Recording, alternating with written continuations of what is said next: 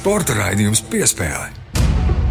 Esiet sveicināti, atkal esam kopā ar jums. Es Mārtiņš Kļavnieks un mans kolēģis Mārs Bergs. Sveiks, Māri! Sveiks, Mārtiņ! Sveicināti klausītāji! Kārtējā nedēļa apritējusi un laiks atkal runāt par dažādiem jaunumiem sportā. Vēl viena interesanta notikumiem bagāta nedēļa pagājusi. Jā, un šoreiz runāsim par rokas bumbu un to, ka Latvijas vīru rokas bumbas izlasēji diemžēl neveicās. Eiropas čempionāta priekškvalifikācijā netika sasniegta kvalifikācija paudžu maiņa. Pārdomas, daži to sauc par fiasko. Šo zaudējumu Luksemburgai divu spēļu summā ar mīnus viens. Rezumēsim, kāds bija šīs duelis un kas vispār šobrīd notiek Latvijas handbolā kopā ar diviem ļoti kompetentiem vīriem šajā jomā. Jā, un atklāsim, ka šodien mūsu viesi lielajās sarunās būs bijušais Latvijas izlases kapteinis Ingūns Dūde, kurš bija valsts vienības kapteinis arī vienīgajā reizē, kad Latvija kvalificējās Eiropas čempionāta fināla turnīram 2020. gadā. Un tāpat rubrikā Kas lācītam vēdā pievienosies leģendārais handbola treneris Andris Gulbis, kurš ir viens no cilvēkiem, kas strādāja, lai izaugtu šī paudze, kas tad kvalificējās Eiropas čempionātam, tostarp arī Ingūns Dūde. Tas viss jau pēc eh, ikdienas topā. Sporta raidījums piespēlē. Spilgtāko notikumu tops šajā nedēļā sāksim ar aristokrātisko sporta veidu tenisu. Austrālijas atklātais čempionāts turpinās Melburnā. Diemžēl sestdienas rītā tas aprāvās Latvijas pārstāvēji Aļonai Stapenko trešajā kārtā. Zaudējums Baltkrievietai Viktorijai Azarenkai. Nu, jāsaka tā, šajā sezonā divi zaudējumi abi Viktorijai Azarenkai. Un, nu, izskatās, ka Viktorija Azarenka kļūs par tādu kā Aļonas uz Ostapenko kriptonīti, ja mēs izmantojam atsauci uz uh, supervaroņu komiksiem. Tā izskatās, un jāsaka, ka Ļona aizvadīja iespējams sliktāko spēli visā 2024. gadā. Līdz šim pirmais sets tiešām briesmīgs, um, rezultāts 1-6. Netik daudz stāsts par rezultātu, cik runa ir par spēles kvalitāti. Kliboja pirmā serve. Aļonas otrā serve ir diezgan vāja, nu, tādā ātruma ziņā, Attiecīgi, pretinieks uz to var ļoti daudz uzbrukt, un to Azarenka arī sekmīgi izmantoja. Otrajā setā Ļona saņēmās, sāka spēlēt tā, kā viņa māca spēlēt, uzbrukoši, precīzi. Taču pievīla otrā seta galotnē, Ļaunai bija iespējas pie 5-3 izservēt otro setu, panākt 6-3, uzvarēt otrajā setā un cīnīties trešajā. Tas neizdevās. Azarenka uzvarēja savu gēmu 5-5, pēc tam Aļonai atkal jāservē, un atkal neizdevās izservēt gēmu 5-6, un tad jau Azarenka servēja par uzvaru ne tikai setā, bet arī visā mačā. Un atkal Aļonai četras breakbumbas, bet nevienu no tām realizēt neizdevās. Beig beigās pieredzējusī Baltkrievijas tenisiste nolauza viņu un izcīnīja uzvaru. Un Azarenka tiešām pēc spēles stila pat ir tāda spēlētāja, kuru Aļona nevar iztrenkāt pa kortu. Viņa nevar viņu izspiest ārā no laukuma, un viņa dabū bumbiņas atpakaļ.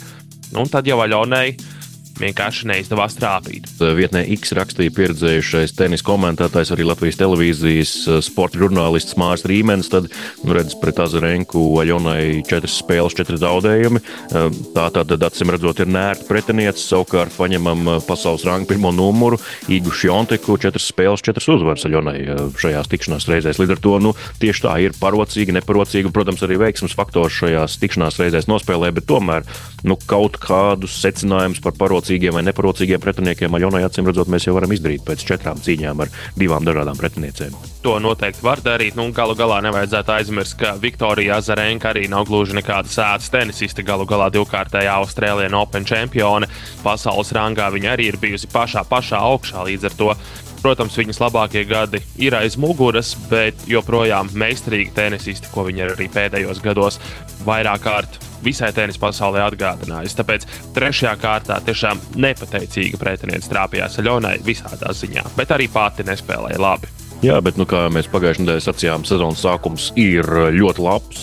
Par lielisku laikam to šobrīd nevar saukt, jo punktu bija jāizstāv diezgan daudz Austrālijas čempionātā, bet uh, tas sākums gadam ir ļoti labs, tikai divi zaudējumi. Tas uh, iezīmē labas tendences. Uh, par Austrālijas čempionātu kopumā, nu, kas tur Novākam Džokovičam, čempionam, bija četru setu maču pirmajās divās kārtās. Viņš tur kārtīgi nomocījās, visādi citādi, kā jau katru gadu Austrālijā ir kaut kādi potenciālie favorīti, kurus zaudē diezgan agri, ir kaut kādi pārsteigumi. Viss rīt kā parasti, tikai personāžu atšķiras. Tenis un vispār Grand Slam turnīri jau ar to parasti arī ir ļoti interesanti, ka tie ir ārkārtīgi neparedzami un arī favorītiem, kā jau teicu, Novākam pirmajās divās kārtās četru sētu spēles. Pirmajā kārtā uzreiz četru stundu mačs, diezgan smags. Nu, tāpēc um, ir interesanti, ka pagaidām pirmā nedēļa nav likusi vilties. Sieviešu turnīrā ir vairāk pārsteigumu. Tur jau arī vairākas top 5 spēlētājas ir izkritušas pirmajās divās kārtās, bet vēl noslēdzot par Aļonu.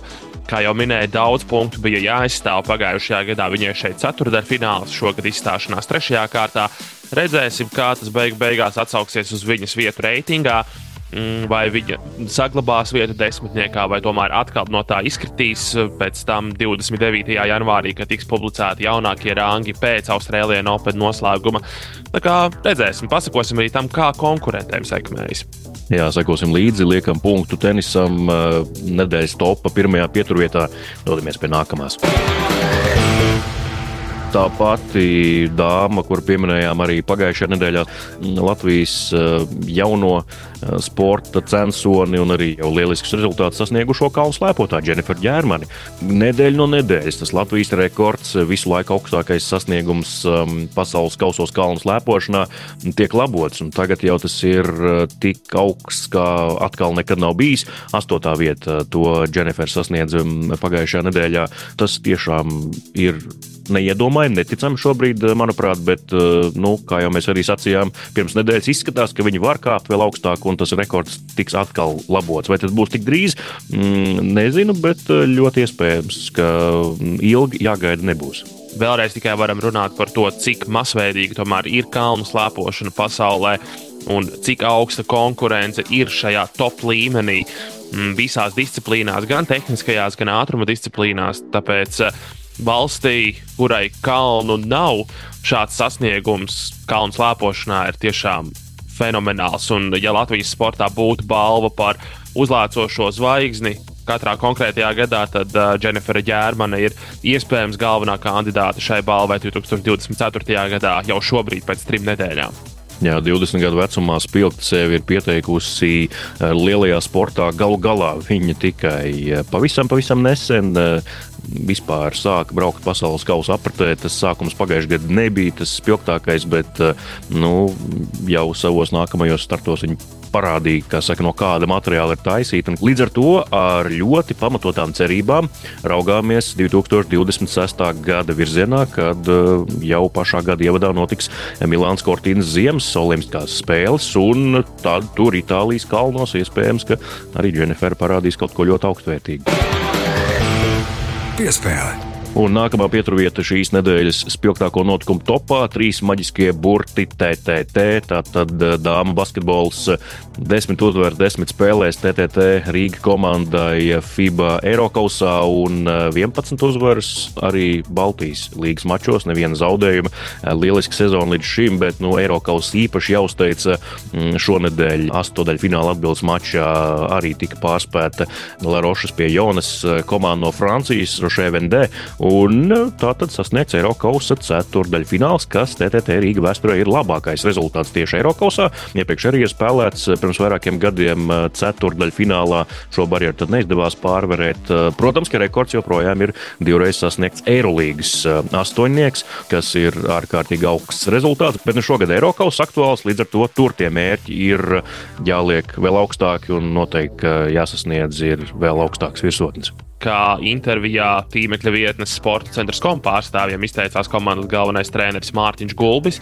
Tad tā jau ir fantastika. Izcīnīt desmit uzvaras, desmit spēlēs, turpināt cīņu, ņemot vērā, ka šī tomēr ir gados jauna komanda, maz pieredzējusi. Tur ir vairākas pieredzējušas basketbolistas, tāpat Ieva Pulvere un vēl vairākas, bet, bet tā tomēr globāli skatoties, tā ir gados jauna komanda kurai sezonas sākums bija pasmaks, bet šobrīd tā spēlē tiešām labi. Jā, Mārtiņa Gulbi nopelns, protams, arī šajā kopējā rezultātā ir milzīgs, uh, un uh, to mēs arī, protams, uzsveram, bet visa komanda strādā labi. Uh, protams, ka viesspēlētājs izvēlēts ir ar tādiem pareiziem uzsvariem, kas pievieno mm, Ievai Pulverei, Vanesai Jasai, Luīzai Silē šo iztrūkstošo elementu, tāpat Margo Klavo, francūzieti, jā, kuras ģimenes locekļi kuplā skaitā bija mm, pirmajā mačā Francijā tribīnēs un esot ļoti sparīgi atbalstījuši TTT Rīgu. Tas bija skaļākais līdzutēju pulciņš TTT sastāvā, bet, eh, nu, ja šī Francijas komanda Francijas čempionātā ieņem 11. vietu 12 komandu konkurencē, tad nākamais pretinieks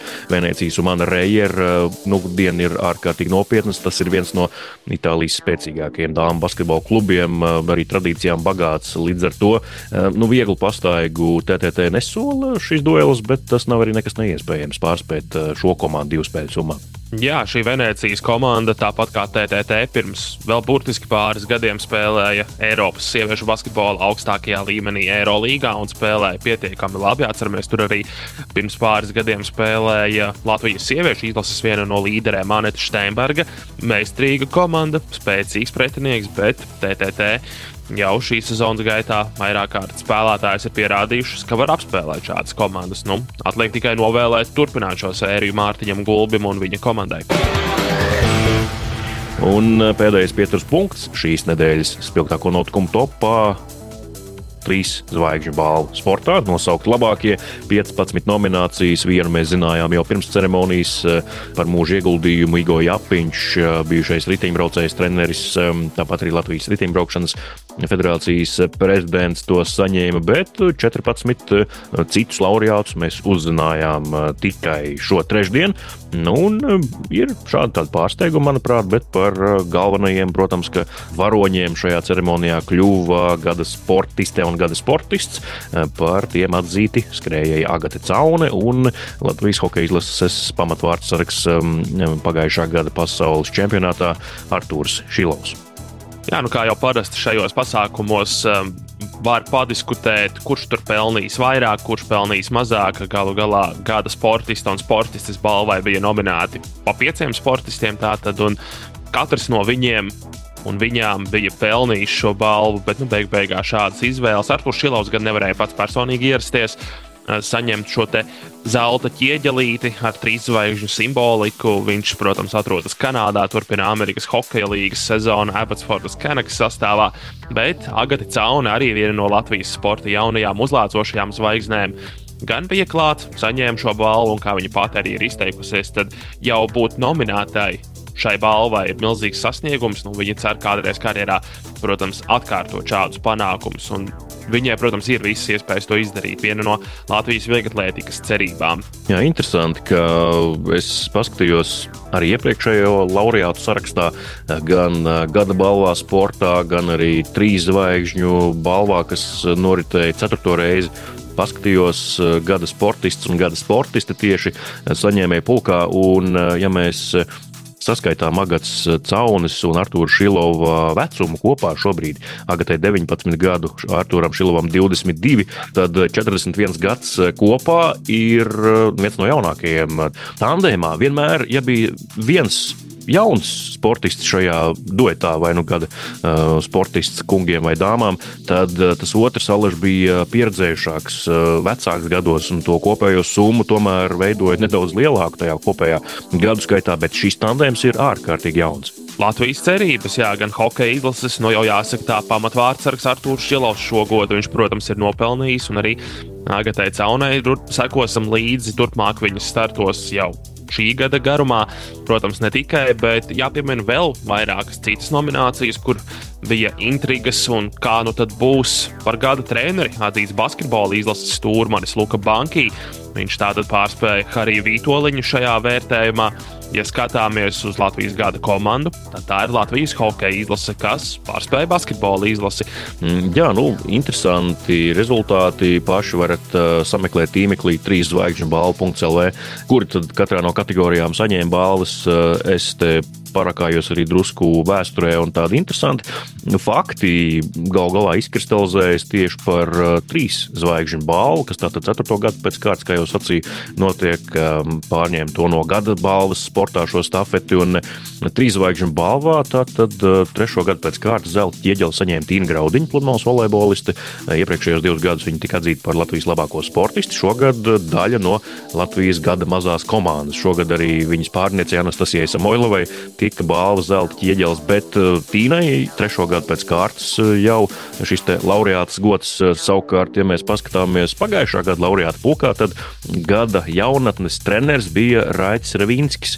Un Raits Ravinskis ir Agats Caunas treneris. Līdz ar to varam secināt, ka pagājušo gadu tie, kur izvēlējās un apbalvoja tieši Raita Ravinski, jau tad redzēja viņa darbu, ieguldījumu, un šogad mēs to redzējām arī plašākā mērogā tieši Agats Caunas izpausmēs eh, startos sacensībās. Jā, un ja mēs vēl paturpinām gados jauno sportistu tematiku un to, cik sekmīgi viņiem noslēdzās šī balva, tad uh, vēl varam piebilst arī, ka gada sportisti tehniskajos sporta veidos ir Latvijas šobrīd labākā blakus vāģu motocross ekipāža, kas izcīnīja piekto vietu pasaules čempionātā. Brāļi Bruno un Daniels Lielbārži. Piespēle. Ķeramies klāt pie tās lielās tēmas šajā raidījumā - rokas bumba, jeb handbols. Un kas tad notiek ar Latvijas vīru handbola izlasi? Saruna ar bijušo Latvijas handbola izlases kapteini Ingaru Dudi. Latvijas radio pirmais kanāls, sporta raidījums piespēle turpinās, un šajā raidījumā runājam par rokas bumbu par handbolu. Sauciet, kā vēlties. Īpaši viesis arī šodien mums sarunai pievienojies no tālās Francijas bijušais Latvijas izlases handbolists. Sveiks, Ingar! Sveiki! Jā, Ingar, nu sāksim ar pavisam vienkāršu jautājumu. Es jau sacīju, ka fiziski šobrīd atrodies Francijā. Mūsu sarunas laikā, ar ko ikdienā šobrīd nodarbojas Ingars Duda, kāda ir viņa ikdiena un kā tā paiet Francijā? Nu, šobrīd esmu, saka, pārkvalifikācijā, mācos, esmu skolā un darbā. Tā ir tāda programma alternants, kas nozīmē, ka, saka, tu esi gan skolā, gan darbā. Tas profesionāls līgums, par ko tev maksā algu. Un tā ir divu gadu programma, ko es izvēlējos elektrotehniku. Un tas ir pirmais etaps, tā kā droši vien būs sekos tālāk vēl ies. Un viņš tā liekas interesanti, jā, pilnīgi kaut kas cits, kas Hambos, ko es arī īstenībā arī gribēju kaut ko pilnīgi citu, negribēju visu dzīvi arī saistīt ar Hambo un visu to palikt vienā sfērā, bija daudz kas lietas interesē un arī reģions, kur dzīvoju un tās darba iespējas un viss kopā salikās, kad es izvēlējos tieši šo virzienu, un, bet tas tikai sākums. Hambo noteikti nāc malā pagājis. Esmu sekoju līdzi arī vietējai komandā, kur es esmu arī kā, kā nosaucts licencēts diriģents, kas arī trenēs, trenē jauniešu grupu arī par cik arī mans dēls spēlē pats handbolu, tad es arī esmu iekšā kā treneris un dod, cenšos arī iedot savas gudrības un uh, papildināt. Tā kā, tā, tādā ziņā es ar, ar prieku to nodot, kā saka, nākamajai paudzei, jo pašam jau godīgi spēlēt galīgi negribās. Man gan piedāvā visādi amatieru klubi un priekam, bet kaut kā laikam priekam uh, kaut ko citu. Es daudz skrienu, trenējos un uh, veselīgāk ēdu noteikti. Noteikti, lai izdodas, un, kas zina, varbūt arī gaidām tevi kādreiz Paldies. atpakaļ Latvijā, bet uh, parunāsim par handbolu, un šī saruna mums būs vērsta uz Latvijas. Handbola izlases uh, pēdējā laika rezultātiem. Uh, tu esi bijis izlases kapteinis. Vaicāšu tev tā, nu, kādas bija tavas domas pēc tam, kad Valmierā tika panākts plus septiņi pret Luksemburgu pēc pirmās spēles, divu spēļu summā. Kā tu sekoji līdzi varbūt tam mačam un kādas pārdomas tev bija pēc tā uzreiz?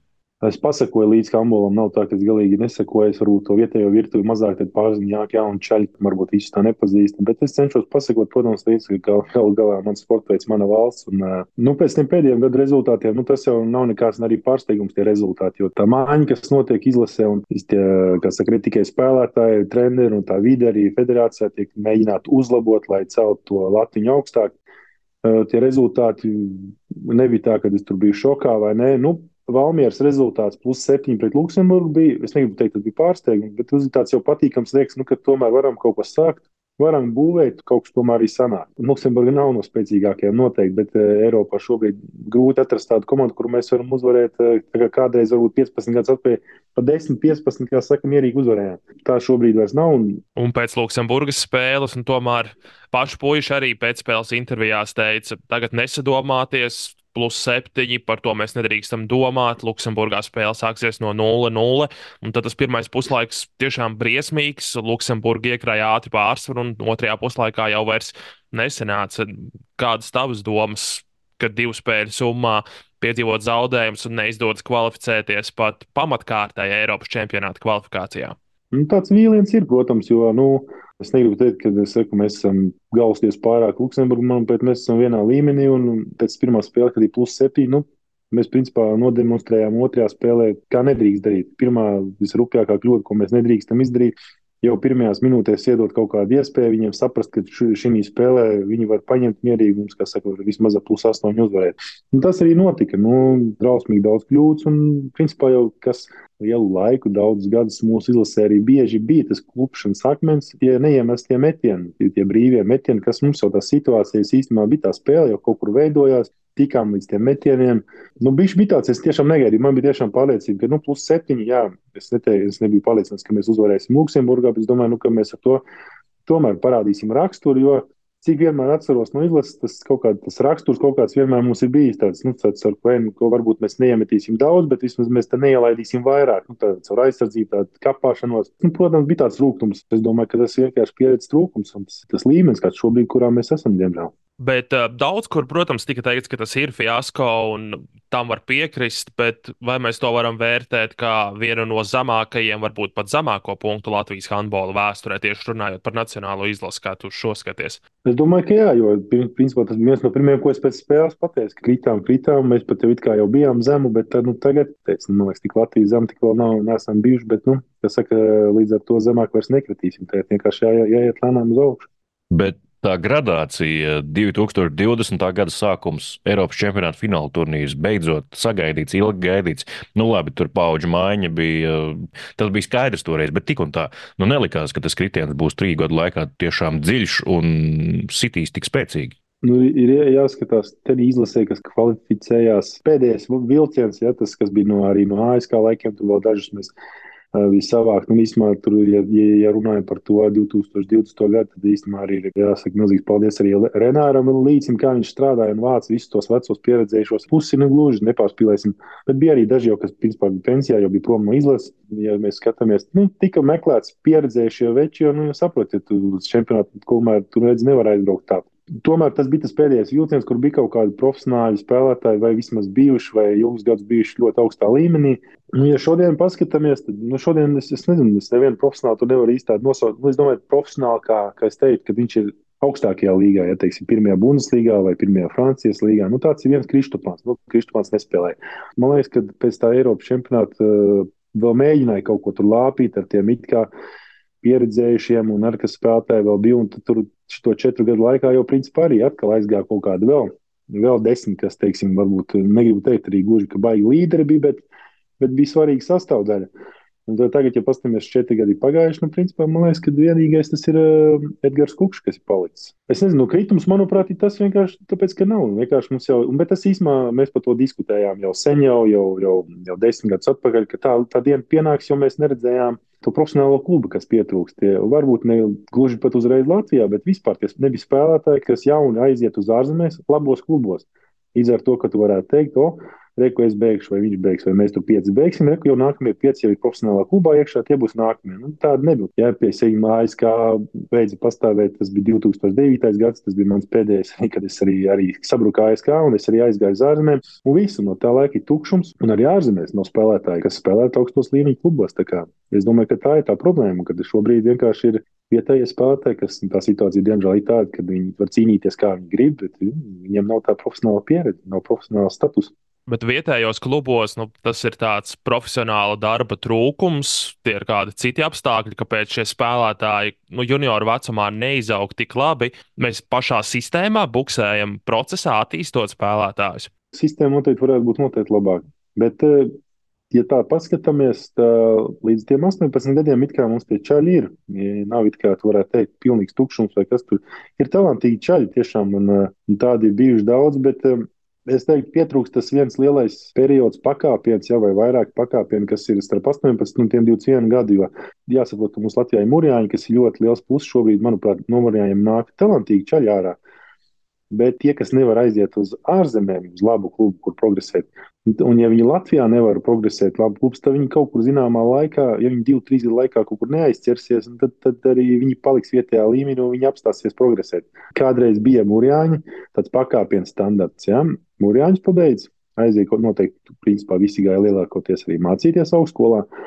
Un paralēli ASK tev bija iespēja turpināt jau veču kārtā, jau tādu iegūt raksturu, jau tur bija Eiropas, Baltijas līnija kādreiz arī bija. Ja man grūti, grūti spriest, kāda ir tagad. Es neesmu uz vietas, neesmu tā, nesakoju tik dziļi līdzi, bet nu, kādreiz, manuprāt, Baltijas līnija bija ļoti spēcīga. Kādreiz vēl bija ar Krievijas komandām un Baltkrieviju, kad spēlēja ar Igaunu un Leišu, bija diezgan spēcīgām komandām. Tur bija tāds labs rūdījums. Ja tikai aizkāpja, jau uzreiz tika spēlēt, lai gan tas bija reti. Ja, pie treneru gulbi divus gadus nospēlēt, kā saka, bet tā tiešām nospēlēt laukumā, viss derēja dabūt labu līgumu. Tev jau nāca piedāvājumi braukt uz Vāciju, vai nu labu klubu otrajā līgā, vai kaut kur pirmajā aizķerties, atkarībā no nu, kā, kāda bija kvalitāte, kāds spēlētājs, kāds pieprasījums. Bet šobrīd nav tas nākamais steps, ko, kā saka, vīriešu kārtā jau iet jau tiešām jau koncentrēties uz handbolu, jau starp vīriešiem un progresēt, kā saka, bišķi mazliet norūdīties un iet tālāk.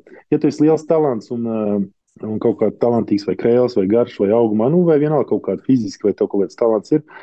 Nu, tad var aizcerties jau uzreiz pēc tiem urāņiem, vai pat ir arī gadījumi, ka Kristāns jau arī urāņos nemaz nemācījās. Nu, bija ļoti atsevišķs gadījums un uh, aizbraucu uz ārzemēm. Bet nu, arī nemaz tik viegli negāja uzreiz. Varbūt arī pietrūkst uh, kaut kur aģentu. Nu, šobrīd ir treneru štābā, ir uh, spāņu speciālists. Viņiem varbūt ir vairāk kontaktu, kas var kaut kur palīdzēt. Varbūt arī nospēlēja savu lomu, kur ir divi spēlētāji, aizgājuši uz Spāniju. Pietrūkst tas, tas periods, tas vīriešu kārtā pēc 18 gadiem, kur, kā saka, vēl divus, trīs gadus progresēt un iet tālāk. Tad tāds viens spēcīgs, varētu teikt, izlases bāzes klubs ir vajadzīgs, ja, kur nu, tomēr tie nu, kandidāti protams, spēlētu vienopus. Vismaz viens, nu, saku, tas ir. Mēs jau kādreiz pīkstējām, ka mums ir tikai viens tāds. Tagad mums īsti neviens nav. Nu, es esmu dzirdējis, ka daudz klubu tur mēģina sasparoties, mēģina atrast risinājumus, kaut kādus atkal uzlabot to vidu un iegūt kaut kādu, vismaz, lai komandā būtu kādi 4, 5 spēlētāji, īpaši jaunie, talantīgie, kuri kaut ko var, kā saka, nākotnē sasniegt, dot viņiem to iespēju tre, trenēties, nodrošināt tos apstākļus, kā saka, to primāro ēšanu, dzīvošanu un, un treniņus. Un, Jo spēles ir tā Baltijas līga, man liekas, tāpat, un uh, kaut ko jau var, saka, var atrast. Nu, pietrūks, jā, tā kā tu teici, tāds bāzes klubs. Protams, būtu labi, ja būtu vairāk viņi tādi, bet nu, kādreiz bija ASK viens un diezgan jaudīgi ražoja arī to spēlētājs, jo tā arī kā es teicu, divi, četri gadi ASK. Un tu vari iet uz ārzemēm, jau spēlēt jau nākamo soli. Nu jā, un beigu beigās, ja mēs paskatāmies 2020. gada Eiropas čempionāta komandu, viena liela daļa no tās komandas arī tu pats ir šīs ASK sistēmas produkti. Jā, tieši tā. Nu, mums jau tās iespējas tur vēl pirms tam bija. Tam viens gads, man liekas, bija Eiropas čempionāts, kur pietrūka beigās reiķināja viens punkts, kur arī varējām aizcerties jau aizbraukt jau ātrāk. Un tas Baltkrievija nelaimīgā uzvara Valmjerā pret Baltkrieviju, pēc kuras varējām arī uz pasaules čempionātu aizbraukt. Tie kvalifikācijas cikli, tie veiksmīgie, tie, principā, tā kā teicu, tie bija ar treneru Andru Gulbja laika, ASK laiku audzēkņi. Labi, bet ja reiz Latvijā ir tāds dārgakmens kā Dainis Kristopāns, nu, viens no pasaulē labākajiem handbolistiem, viņš izlasē nespēlē. Tu varbūt zini, tu varbūt vari kaut ko vairāk pateikt. Mēs neesam, diemžēl, ar Dainu pašu sazinājušies, bet varbūt tu zini, kāda ir iemesli un tavuprāt, cik tas vispār ir loģiski, ka viens no pasaulē labākajiem spēlētājiem nespēlē izlasē. Es domāju, ka to visi gaida. Es noteikti arī būtu priecīgs, ja Dainis spēlētu. Es ar Dainu šeit parunāju, bet nu, tā kādu laiku neesam runājuši arī par cik viņš uz Vāciju pārcēlās. Tas būtu jāprasa viņam, bet nu, es nezinu, es varu iedomāties, ka uh, varbūt ir dzirdēju kaut ko mikrotraumas, bet es domāju, ka tas nav tas galvenais faktors. Es domāju, ka viņš var pats saprot, jo kad, ne jau tas šobrīd tas risinājums būtu viņš vienīgais. Nu, protams, ka mēs Luksemburgu būtu uzvarējuši, bet tā Latvijas handbola problēma šobrīd nav Kristofāns. Tiešām gribētu, lai viņš spēlētu, pieļauju iespēju, varbūt arī viņam nav tā. Tā motivācija braukt, un ka, ja mēs spēlētu kaut kur uz izšķirošām spēlēm, tas plauktiņš būtu divas, trīs plaukti, kas saka, augstāk. Es domāju, ka arī Dainu es redzētu laukumā. Nu, ja es iztēlotos viņa vietā, droši vien baigā motivācija nav braukt. Es domāju, ka šobrīd kaut vai Dainis braukt, kaut vai es brauktu, vēl kas spēlēt, vai vēl atrast divus, trīs. Mēs nekvalificētos Eiropas čempionātam. Tuvākajā laikā tas nenotiks. Tur ir vajadzīgs kaut kas vairāk, stabilāks komanda, jaunieši, kas būs pēc tiem gadiem. Šobrīd ar to ir ar vienu Kristupānī pa maz. Jā, Dainis jau, protams, nav vairs nekāds jaunēklis, tomēr jau 34 gadi tuvojas un spēlē viņš tādā pozīcijā. Vispār handbols pats par sevi kā sporta veids ir ļoti fizisks. Nu, dažādas traumas. Skaidrs, ka ir daudz un dikti, bet paturpinot vēl par izlasi un šiem jaunajiem spēlētājiem. It kā komanda ir ļoti gados jauna.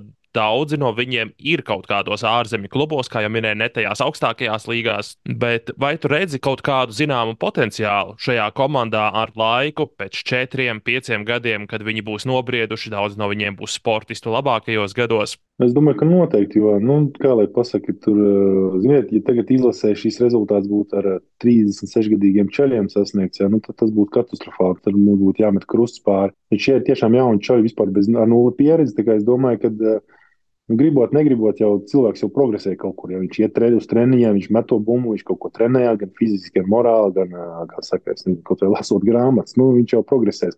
Es domāju, tas rezultāts sliktāks nevar būt. Un īpaši, kad es paskatījos tagad junioru, kas spēlēja U18, kas arī nekvalificējās, ja? nu, tā bija nopietna kvalifikācija, bet viņiem bija nopietni pretinieki pretī Austrija un Rumānija. Viņi nospēlēja tiešām, nu, tiešām līdzīgi tādā augstā līmenī, manuprāt. Tas uzreiz tādu cerību dod. Un kāpēc viņi nospēlēja augstā līmenī? Tāpēc, ka tajā izlasē ir trīs, trīs, četri čaļi, kas spēlē Vācijā, jo tie ir bijušo spēlētāju dēli. Margota Valkauska, Girta Lilenfelda, Eva Klešnika. Ja? Margotam ir divas puikas, turklāt, kas spēlē Vācijā. Un šie čaļi ir eh, diezgan labās līgās, ja jaunieši, bet viņi Vācijā jauniešu līga ir ļoti spēcīga. Un tā jau ir, kad saka, starpsolis starp jauniešiem un večiem, ko mēs varam uh, salīdzināt šobrīd Latvijā. Mums, diemžēl, tas trūkst, ko mēs tikko runājām. Bet, nu, ilgtermiņā es domāju, ka noteikti tas man iedod tādu cerību, ka, uh, un redz, tas jau var īstenībā ļoti strauji mainīties uztaisīja vienu pusprofesionālu, pat pietiktu klubu. Ja, jo ASK jau savulaik ar izteikti profesionāls nebija. Tur tāpat bija kaut kādi 5, 6 čaļi, kas veči jau, kas, kas varēja taisīt rezultātu, bet viņi tāpat gāja uz darbu un viņi trenējas tikai vakaros. Bet kopā veidojot to atmosfēru diezgan profesionāli, bet īpaši jauniešiem, kas mēs pabeidzām Urjāņus, ja, juniori, mēs varējām trenēties divreiz dienā, savienot vēl studijām, kā saka, un tu vari nenormāli progresēt un augt. Tiklīdz būs kaut kur tāds klubs un vairāk klubu kaut kādiem dažiem spēlētājiem, kā saka, iedos. Nav jau iedod, jā, jāiedod 16 spēlētājiem komandā tas status profesionāls. Talantīgākajiem jauniešiem palīdzēt tie klubi vairāk to, to statusu, lai viņi varētu trenēties līdz kaut kādam līmenim un tad uh, aizķerties un braukt prom. Tas var pamainīties diezgan strauji un atkal iet uz augšu. Jo arī Eiropas čempionāti, lai kvalificētos, Labi, jātiek, protams, tādā kvalifikācijā īstā, kur mēs šobrīd netikām. Nav nemaz tik sarežģīti. Ja? Nu, mēs kvalificējāmies diezgan stabili laiku, jo mēs palikām otrajā, mēs arī uzvarējām Slovenijas. Mums tas rezultāts bija diezgan labs. Bet bija komandas, un tagad ir komandas, kas principā brauc uz čempionātu ar, ar vienu punktu, ar vienu uzvaru. Nu, ar vienu neizšķirt pat. Jo tev jau jāgalvenais nepalikt ceturtajam, piesi ceturto un paņem vienu punktu no pirmajām divām. Turpat var sanākt atkarībā no pārējās grupas dara. Tā ir baigais veiksmes faktors, var nospīdēt par labu. Tas nav arī nereāli treneru korpusu, Davošu Čutūra un viņa palīgi. Tur tur redz potenciāli. Viņiem, tavuprāt, ir jāpaliek pīles stūris. Ir grūti tagad pārmest kaut ko baigi treneriem, jo ir jāsaprot, ka e, cik ir nepilni divi gadi atpakaļ, kad Davors atnāca. Viņam bija e, iedēta, principā, jauna komanda jāsāk no nulles, un tagad paiet e, vēl divi gadi, un ir, principā, atkal jauna komanda. Jo it kā pauģu pārmaiņa notika pirms diviem, četriem gadiem, ja? Bet, man liekas, mums tas notiek katru gadu, jo tur uh, tās ikdienišķās problēmas, kas mainās, saku, jo divi gadi atpakaļ ir viena komanda, tad tu skaties no tās komandas jau desmit atkal nav vairs. Grūti kaut ko uzbūvēt, un izlase nav klubs, kur, kur tu vari ikdienā trenēties un, progresēt nenormālā ātrumā. Tas būtu vispār izceļ, ja būtu tāds bāzes klubs, kur principā tev astoņi ceļi ikdienā trenējās, nu viss, tu, tur iet uz augšu tikai. Bet šeit ir tā, ka tu atbrauc, tu iemācīji, kā izdari lielu smagu darbu vienu nedēļu, atbrauc pēc diviem, trīs mēnešiem atkal, un tev jau atkal ir 15 citi spēlētāji.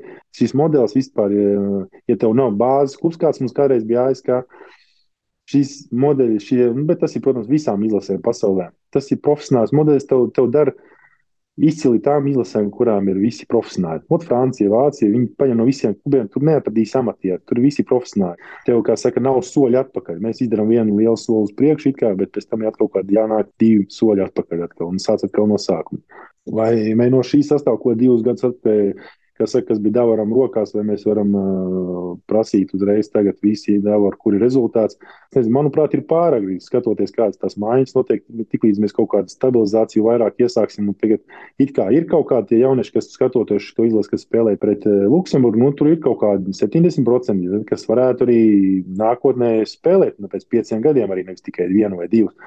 Un tad es nezinu, manuprāt, būtu jāpagaida vismaz vēl kādi divi gadi, lai mēs vispār kaut kādu taustāmāku rezultātu redzētu. Tāpēc, ja Davora Čutaras vietā būtu pilnīgi vienalga, ko mēs ieliktu, vai latviešu treneri, vai, vai poļu, vai skandināvu, vai nu, pilnīgi vienalga, kādu labāko treneru pasaulē es atrodos, Ja mēs, ja mēs izvēlētos iet Katāras ceļu, kur mēs esam miljardieru valsts un mēs vienkārši varam naturalizēt visu pēc kārtas. Jā, nu, tad, tad jau tas rezultāts ātri aiziet. Es neredzu, ka kāds cits treneris izdarītu kaut ko vairāk. Varbūt, varbūt uzvarētu Luksemburgas spēli, ja, bet to globālo problēmu jau neatrisināja. Cik man ir zināms, izlasi, kad meklēja treneri, bija tā doma Latvijas hambolam, nevis tikai Latvijas izlasēm iedot kaut ko jaunu.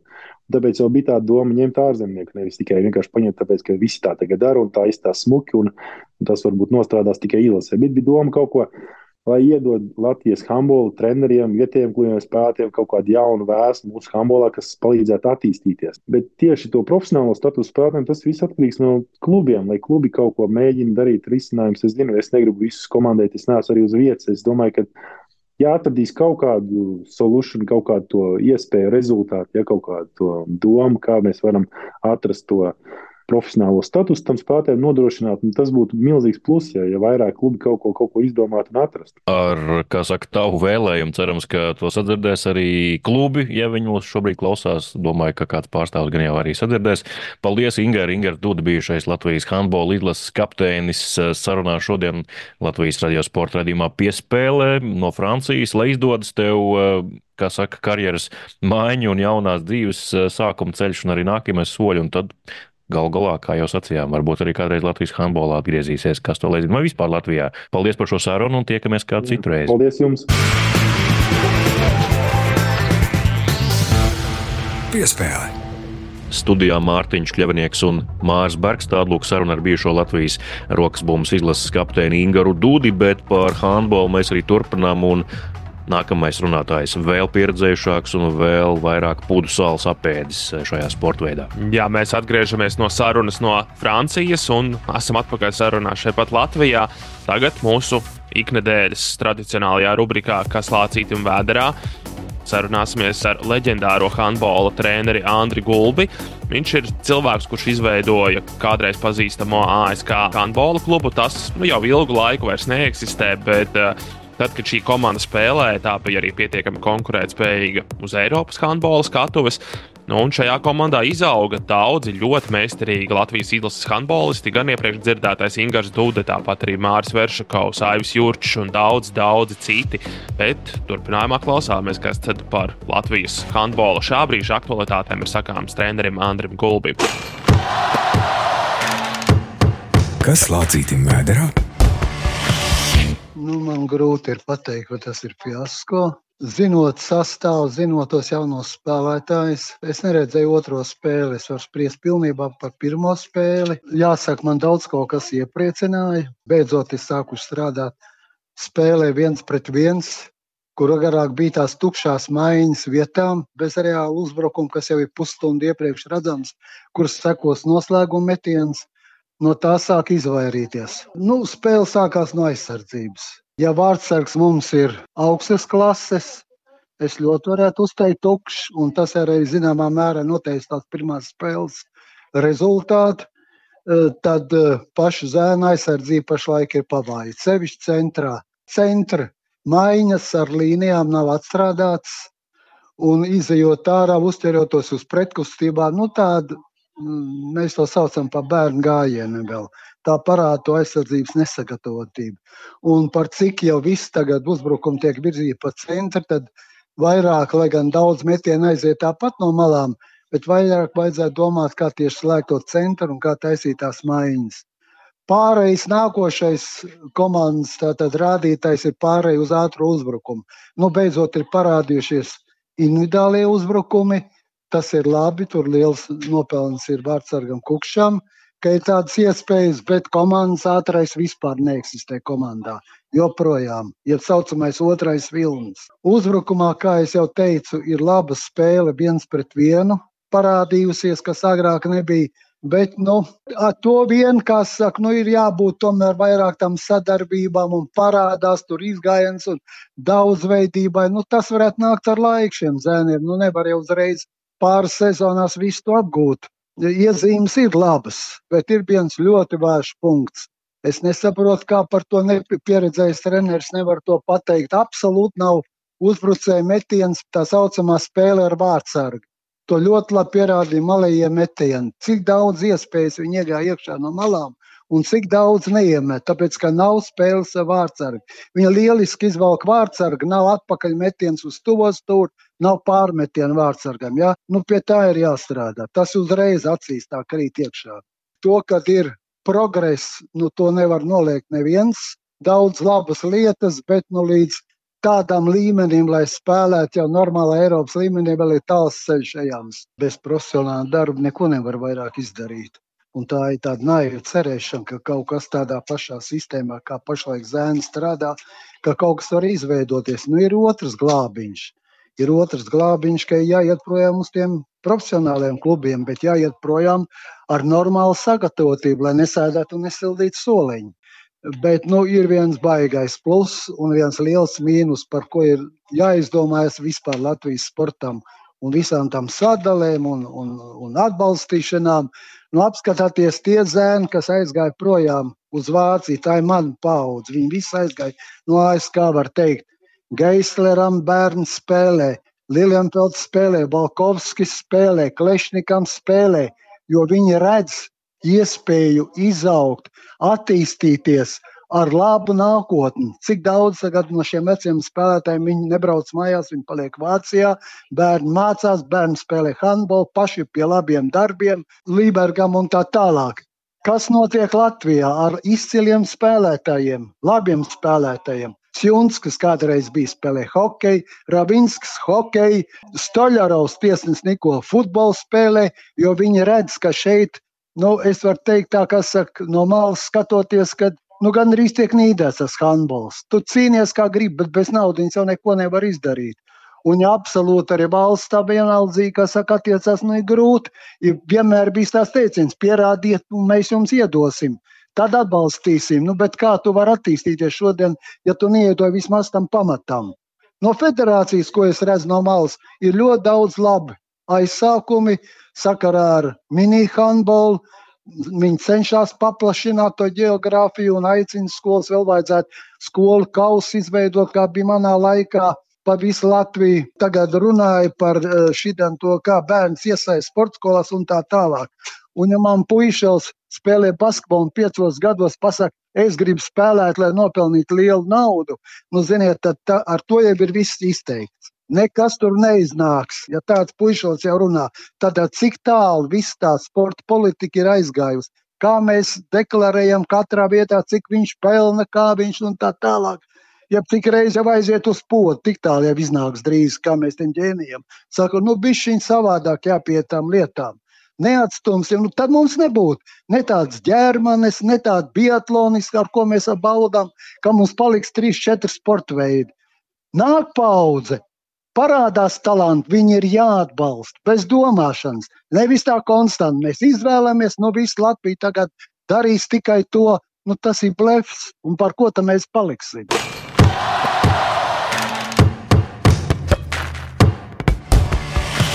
Tāda saruna ar leģendāro Latvijas handbola treneri Andri Gulbi. Es domāju, interesants atziņas gan par taktiku, viņš pastāstīja, gan par Latvijas handbola sistēmu kopumā un kā tā šobrīd strādā un kas būtu jāuzlabo. Bet mēs liekam punktu. Protams, būsim atpakaļ jau precīzi pēc nedēļas, atkal ar jaunām sarunām un jauniem tematiem un lūkosim, kas tad arī noticis nedēļas griezumā sportā. Nu, kā ierasts, vēl tikai atgādinām, ka Latvijas radio raidījumu piespēle var dzirdēt arī Latvijas radio arhīvā arhīvā, arī raidierakstu un podkāstu vietnēs. Un, uh, Raidījums no šī gada atkārtojumā skan jaunā laikā, pirmdien, 6.15. jeb pēc ziņām 6. Lai kad un kur klausāties, paldies, ka to darāt, un uh, tiekamies jau pēc nedēļas. Visu labu! Uz tikšanos! Sporta raidījums piespēlē!